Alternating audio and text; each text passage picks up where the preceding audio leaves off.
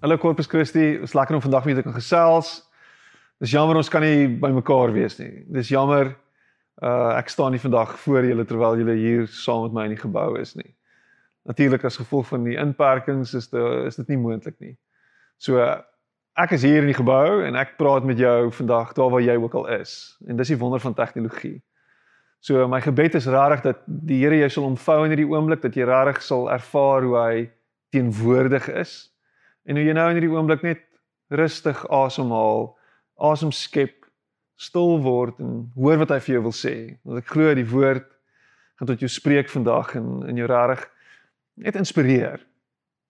Ek het 'n paar stories wat ek wil vertel en hopelik kan ek dit bymekaar bring en kan jy hier wegstap vandag met minder verskonings.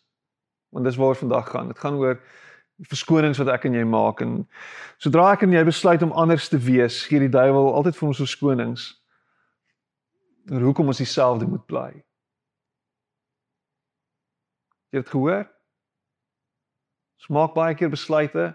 Ons besluit om anders op te tree, ons besluit om anders te wees, ons besluit om aanpassings te maak en dan sal die duiwel altyd kom en vir ons redes gee oor hoekom ons dieselfde moet bly. Dis wat ek en jy doen. In ons lewe is daar 'n klomp verskonings wat ons maak elke dag oor hoekom ons nie kan verander nie. Hoekom dinge nie anders kan wees nie. Hoekom hoekom ek in hierdie situasie gaan bly. En eintlik het dit te maak met die feit dat ons nie hoor hoe God ons roep nie. Hoe hy ons na iets beters toe nooi nie.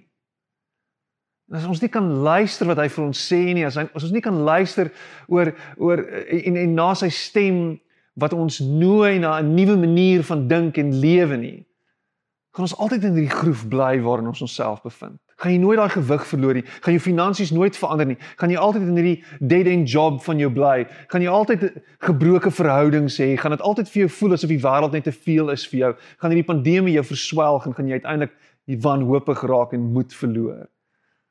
Want jy kan nie net daai skakelaar aansit wat sê, "Ag, oh, dit kan anders wees nie. Dit moet anders wees nie." Hierso in Lukas 14 is daar 'n storie van Jesus wat vertel van die ryk man wat mense nooi om by hom te kom eet.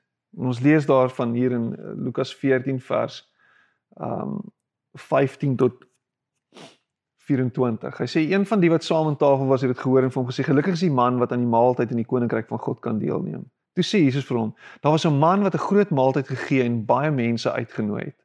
En toe die maaltyd gereed was, stuur hy sy slaaf om vir sy genooides te sê: "Kom, die maaltyd staan klaar." Maar hulle begin almal die een na die ander verskoning maak. Die eerste een sê vir hom: "Ek het 'n stuk grond gekoop en is noodsaaklik dat ek uitgaan om daarna te kyk." Ek vra u verskoon my asseblief. 'n Ander een sê ek het 5 paar osse gekoop en gaan hulle probeer. Ek vra u verskoon my asseblief. Nog 'n ander een sê ek is pas getroud, daarom kan ek nie kom nie. En die slaaf kom toe terug en vertel dit alles aan die eienaar.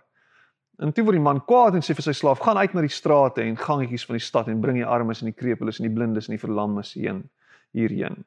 Laat kom, later kom die slaaf toe en sê: "Meneer, die opdrag is uitgevoer en daar's nog plek." En toe sê die man vir die slaaf: "Gaan uit na die paaie en die landings en drink en dring by hulle daarop aan om in te kom sodat my huis vol kan word. Dit verseker ek julle, nie een van die mense wat genooi is sal sy mond aan my kos sit nie. As hulle maar tog net geweet het wat vir hulle voorberei is. As hulle net geweet het hoeveel oorvloed daar is. Ek meen aanvanklik word 3 mense genooi. 3 mense is genooi. Ek dink 'n bietjie hieroor. 3 mense is genooi na hierdie groot banket toe. Hulle was uiteraard vername mense gewees. So die oorvloed wat daar aan daai tafel vir hulle sou wees. En dan uiteindelik omdat hierdie drie nie wou kom nie, want hulle het verskonings gehad en ek dink die derde een se verskoning was dalk die die beste want hy het uitgetrou, so hy was op honeymoon. Dis dalk 'n goeie verskoning. Ehm um, toe daai drie nie wou kom nie, toe wend hierdie man hom na al die gebrokenes, al die verlamdes, die krepeles, die blindes, die die uitgeworpenes van die stad. En toe hulle almal daar is, toe staan nog mense wat buite die stad is wat genooi word. Ek meen, hoeveel mense word nie genooi na hierdie banket toe nie?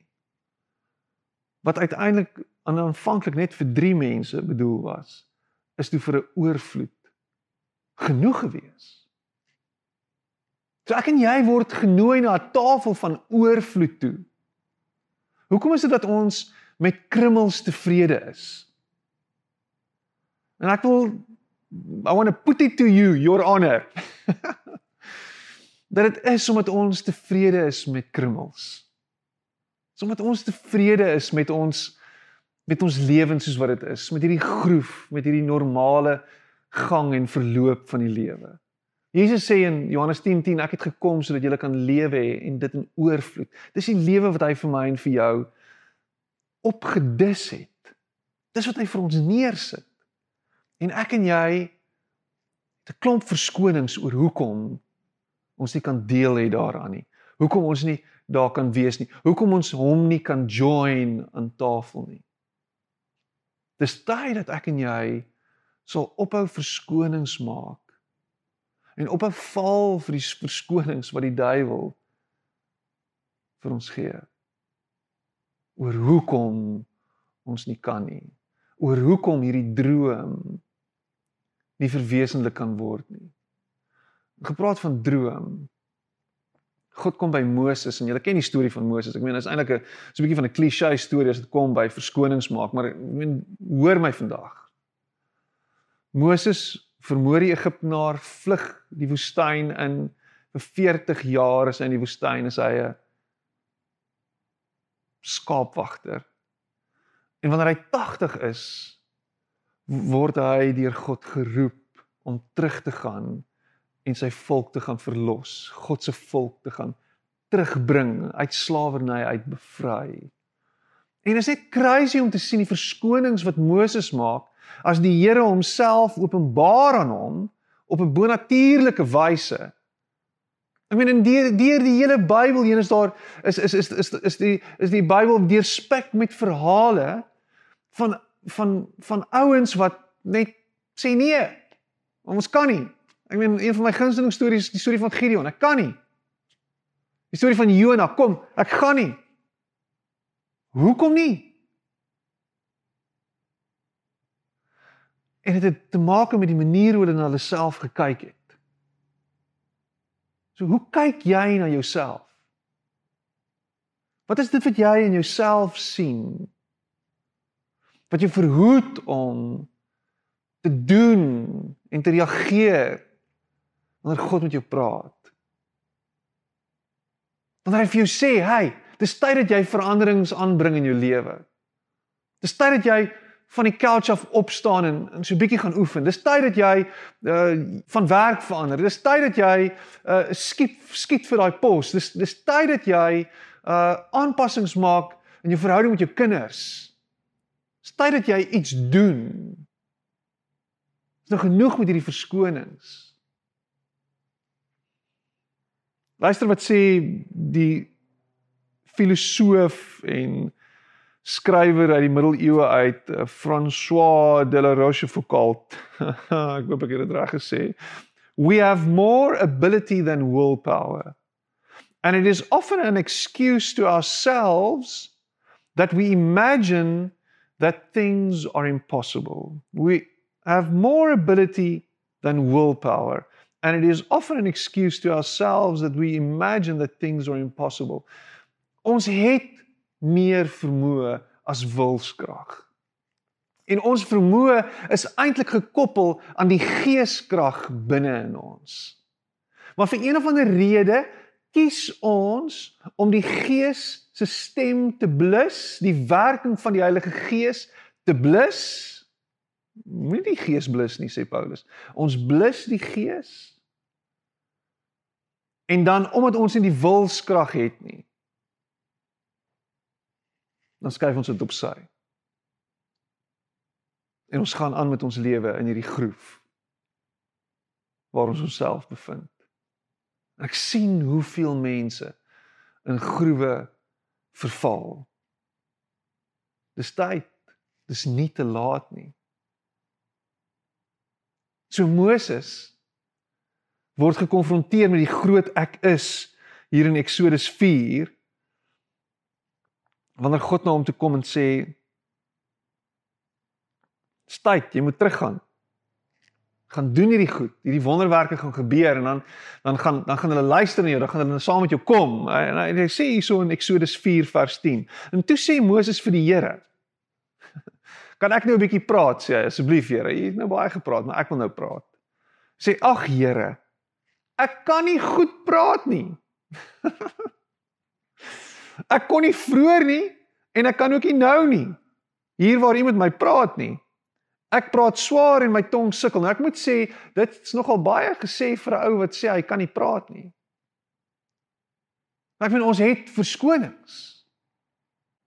Legitieme verskonings oor hoekom ons nie kan nie. Oor hoekom ons nie kan uitstyg nie. Hoekom ons nie kan uittroon bo ons omstandighede nie. En daarna sê die Here vir hom, maar wie het aan die mense mond gegee? Wie maak stom of dood, doof of siende of blind? Is dit nie ek die Here nie? Gaan nou. Ek sal jou help met die praat en jou leer wat jy moet sê. Vir elke verskoning wat ek en jy maak, is daar 'n teenredenasie wat van die Here afkom. Dit sal nooit 'n geval wees van "Ag, oh, ek is sprakeloos. Ek kan nie glo hy het my nou in 'n hoek gedryf. Hierdie Moses is baie slim. Uh ek het, ek, ek het eintlik geen comeback nie. Nooit sal dit gebeur nie. Nooit sal hy vir jou sê, "O, oh, jy het my nou vasgedruk hier in 'n hoek nie." Sy comeback, God se comeback vir Moses is wit monde gemaak. Ek. Ek sê jou help praat. Ek sê vir die woorde gee om te praat. Ek. Ek is by jou. Ek die skepper van die heelal. So wat 'n verskoning het jy? Wat die skepper van die heelal in die skaakmat posisie gaan sit en hom gaan stil maak. Jammer. Maar steeds sal Moses aanhou. Maar Moses antwoord asseblief tog Here, stuur liewer iemand anders. En toe word die Here kwaad vir Moses. Jy sien iewers uh, gaan die Here nou vies raak. Want hoeveel keer moet hy nou vir jou sê? Hoeveel keer gaan hy nou met jou praat? En ek sê dit natuurlik tong in die kies, nê. Nee. Want God draai nooit sy rug op Moses nie. God draai nooit sy rug op Gideon wat oor en oor en oor vir 'n teken vra nie. God draai nooit sy rug op Jona nie. God draai nooit sy rug op Job wat met hom redeneer nie. God sal nooit sy rug draai op jou nie. Maar wanneer jy tot sien sien aan hierdie kant en jy het nooit daai aanpassing gemaak nie, jy het aangehou met daai verskonings, gaan jy aan die ander kant kom en jy gaan terugkyk en sê, "Ag, oh, as ek maar net het. Het ek maar tog net gehoor, gegee en gedoen." Jy wil nie aan die einde van jou lewe kom en terugkyk en vol soos die Engelsman sit sê met regrets sit nie. Wie wil nou met daai tipe van goed rondloop aan die einde van sy lewe? Ek weet ek wil nie. Hou op verskonings maak. Kom uit die groef uit.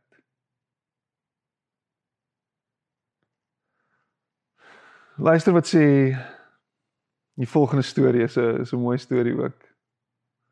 Jeremia word tot profeet geroep. Sien die woord van die Here het tot my gekom, sê Jeremia. Voordat ek jou in die moederskoot gevorm het, het ek jou geken. En voordat jy gebore is, het ek jou aan my gewy en jou as profeet vir die nasies aangestel. En hoe's daai vir 'n lewenspad wat vir iemand gekies word. Hoe is daai vir 'n roeping? Hoe is daai vir 'n kom ek het 'n plan vir jou lewe? Hoe's daai vir jy's nie hier toevallig nie, per ongeluk nie. Jy's nie hier net om om om 'n spasie te vul of om plek op te neem of 'n suurstofdief te wees nie. Want dis nie wie ons is nie. Nie een van ons is net hier per ongeluk nie. Elkeen van ons is hier omdat ons lewens saak maak, omdat ons lewens veronderstel is om 'n verskil te maak en 'n impak te maak, omdat my en jou hier wees gewil is deur liefde. Is daar 'n plan vir hierdie lewe? En hy roep jou, kom, kom sit aan. Kom ek wys vir jou wat ek vir jou beplan het. Kom ek wys vir jou wat ek vir jou wil gee. Kom sien en proe hoe goed die Here is. Psalm 34. En toe is interessant, ek meen Jeremia hoor die woord van die Here, maar sy respons is nie, "Wow, this amazing nie." Sy respons is, "Ag Here my God." Ag Here my God, het ek geantwoord. Ek kan nie goed praat nie en ek is nog te jonk. Ek kan nie goed praat nie, ek is nog te jonk. Verskoning, verskoning. Kan nie goed praat nie, ek is nog te jonk. Wat is jou verskoning vandag? En toe sê die Here vir my, jy moenie sê ek is te jonk nie. Jy moet gaan na wie ek jou na wie na wie toe ek jou ook al stuur. En alles wat ek jou beveel om te sê, moet jy sê. Moenie vir hulle bang wees nie, want ek is by jou. Ek sal jou red. En dit is wat die Here gesê het. En hy het sy hand uitgesteek, my mond aangeraak en vir my gesê, ek het nou my woorde in jou mond gelê. Jeremia 1 vers 4 tot 9. Hy het my het sy hand uitgesteek, my mond aangeraak en vir my gesê, ek het nou my woorde in jou mond gelê. God kom en hy reik uit na jou toe vandag. En in jou deponeer hy van homself. Sy gees. En hy sê hier is ek. Ek is by jou. Ek is binne in jou en ek sal jou lei en ek sal jou help. Wat nou gebeur met Jeremia is Jeremia moet oorgaan tot aksie. Jeremia moet beweeg vir hierdie goed om waar te word. Vir jou en my om uit hierdie groef uit te kom, vir jou en my om 'n nuwe manier van lewe te te sien gebeur en oop te gaan voor ons, beteken dit ek en jy moet oorgaan tot aksie. En ons moet met ons wilskrag beklei. Met hierdie met hierdie met hierdie kapasiteit soos wat daai François sê, met daai potensiaal moet ons teen die die die die die die wilskrag in in beweeg en in opstand kom en sê let's go. Ons gaan iets doen. Staan op en begin oefen. Staan op en begin daai dieet aanpas. Staan op en begin werk. Staan op en maak hierdie aanpassings in jou verhoudings. Staan op en doen iets. Kyk na jouself staan op en beweeg en as jy beweeg, gaan jy die momentum wat die Gees in jou lewe generate ervaar. En gaan daar iets gebeur.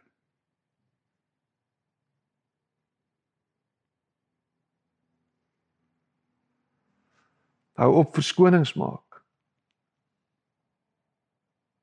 Hierdie is is my is my gunsteling storie en dis die laaste storie wat ek wil vertel. Dis die storie van Esther en miskien het jy die storie van Esther al gehoor. Esther, die Joodse meisie wat gekies word deur die koning uh nadat nadat sy vrou afsterf wil hy 'n nuwe vrou hê en hy kies haar uit honderde uit. Letterlik uit honderde uit kies hy haar om sy vrou te wees, maar sy hy weet nie dat sy 'n Jood is nie. En ehm um, haar oom Mordegai ehm um, die koning se adviseur raak verstrengel in hierdie uh, in hierdie twis met 'n ou met die naam van Haman. Haman is 'n total evil persoon. Jy moet gaan lees. Dit is regtig amazing. Dit is soos 'n sepie. Natuurlik is al flieks al gemaak hier hoor. Um maar maar uiteindelik raak Haman so kwaad vir Mordegai dat hy sê kom ons raak ons slaaf van al die Jode. ons maak al die Jode dood in al 127 provinsies. I mean ons gaan net ontslaa raak van hierdie Jode. Hulle hulle moet van die aarde afgevee word. En hy kry dit reg om die koning te manipuleer en te ooreed en te oortuig om die ja-woord te gee sodat al die Jode doodgemaak moet word. Min wetend. Min wetend vir die koning dat sy vrou, sy bruid 'n Jood is. En Mordegai stuur woord na Ester toe en sê uh dis tyd. Dis tyd dat jy iets sal doen. Dit hang van jou af, Ester. Die boodskap van Ester is aan is aan Mordegai oorgedra en hy het haar geantwoord. Moenie dink Net jy van al die Jode sal vrou vrykom omdat jy in die koning se paleis is nie. Dis Ester 4 vers 12. As jy nou swyg en daar kom van 'n ander kant af uitkoms en redding vir die Jode, sal jy en jou familie omkom. Wie weet? Miskien is dit juis met die oog op 'n tyd soos hierdie dat jy koningin geword het. Miskien, hierdie is so beautiful.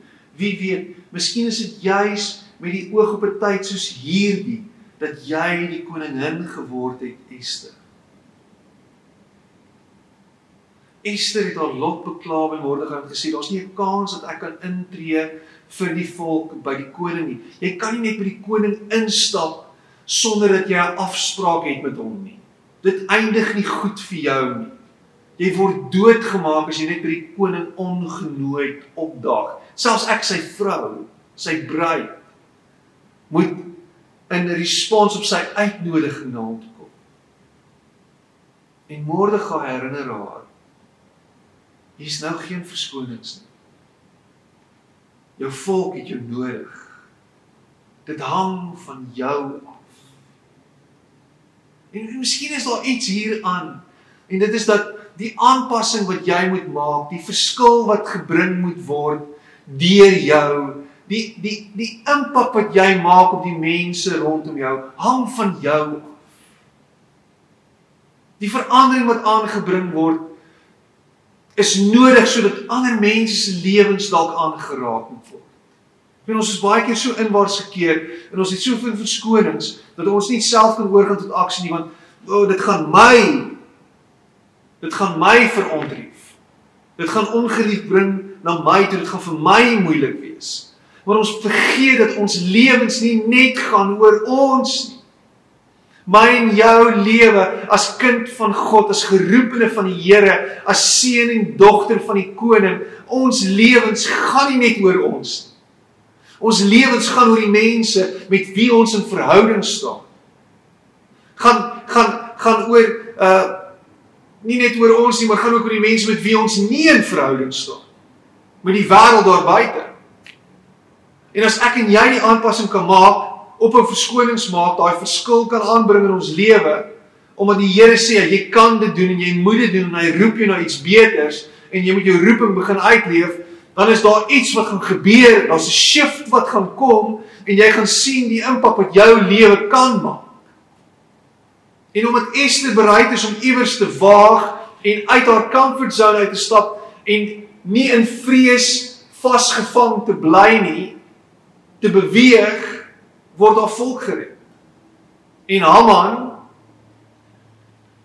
sien uiteindelik 'n deel van hom sonder 'n spieël wanneer sy lewe op 'n baie baie slegte en dramatiese wyse tot 'n einde kom. Maar ek en jy het nodig om vandag te besef dat hy hy hy ons moet wakker word. En op 'n verskonings maak. Die lewe is kort. Wat doen jy met hierdie een stukkie geskenk wat jy gekry het? Wat 'n verskil kan jy maak in ander se lewens omdat jy bereid was om op te hou verskonings maak vir jou eie situasie? Ja, die lewe het gebeur. Ja, die mat is onder jou voete uitgeruk. Ja, jy's seer gemaak. Ja, jy's goed aangedoen. Ja, daar's oor jou ge daar's daar's daar's gejok van jou agter jou rug. Ja, daar's mense wat jou sleg sê agter jou rug. Ja, daar's slegte goed wat gebeur het. Ja, daar's goed wat gebeur het wat nie jou skuld is nie. Maar hoe lank gaan jy dit as verskoning gebruik? As die Here elke dag opnuut vir jou genade gee, oor en oor en oor. As elke dag wat aanbreek 'n geleentheid is om oor te begin, om van voor af te probeer. Ek wil jou aanmoedig vandag. Hou op sit in hierdie groef en verskonings maak oor hoekom jy hier moet wees. En hoekom dit die beste plek is vir jou. En staan op en reageer op die uitnodiging van die koning na hierdie tafel toe. Waar daar soveel is en dit eintlik 'n vermorsing is, so baie is daar. Jy hoef nie van die krummels te leef nie. Jy hoef nie vasgevang te wees in hierdie situasie nie. Jy kan uitbeweeg en wanneer jy uitbeweeg begin die geeskrag eksponensieel vaardig raak in jou lewe. En hy sal jou deurdra en aan die ander kant uit. Luister wat sê Paulus hier in 2 Korintiërs 12 vers 9 tot 10. Hy sê en dis nadat Paulus geklaai het oor sy eie situasie. En God sê vir hom die volgende. Hy sê vir hom en hy het vir my gesê my genade is vir jou genoeg want my krag word in swakheid volbring. Want as ek swak is, is ek sterk. Ek kan nie, Here, jy kan. Want dis juis wanneer jy swak is dat jy kan. Maar dit gaan kos dat jy net sal opstaan en sal erken dat jy nie self kan nie. Sal erken dat dit nie van jou afhang nie. Sal erken dat jou wilskrag nie genoeg is nie. Sal erken dat jy nie meer verder in hierdie situasie wil wees nie. Moses, ek wil nie verder skape oppas nie. Esther, ek gaan nie stil bly terwyl miljoene Jode afgemaai gaan word nie. Jeremia, ek gaan die waarheid spreek wat God in my mond geplaas het. Ek gaan onverskrokke gaan ek opstaan en gaan ek hoop en lewe en waarheid spreek in ander se lewens. Ek gaan nie stil bly nie. Ek gaan nie langer verskonings maak nie. Corpus Christi in 'n tyd soos hierdie is daar baie verskonings wat ons kan maak.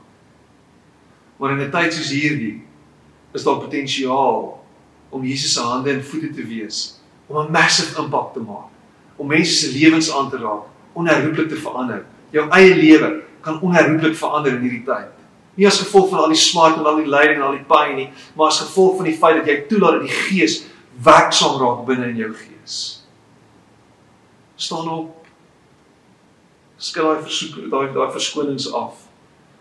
En hardloop die koning tegemoet by die tafel wat hy vir jou voorberei het en kyk hoe dit ander se lewens inspireer en hoe dit ander mense saam met jou nooi na 'n nuwe manier van lewe na 'n lewe van oorvloed. Kom ons sit net so en dan bid ons saam. Hemelse Vader, help ons om op te hou verskonings maak. Verskonings maak vir ons eie situasie vir dit waartoe ons gaan. Help ons om op te hou om ander te blameer. Help ons om om regtig na U te kyk as as die een wat wat by wie enigiets moontlik is. Dat ons situasie handomkeer kan verander. Here help ons om te reageer op daardie impulse, daai drome wat in ons hart geplaas het, om te doen wat U wil hê ons moet doen.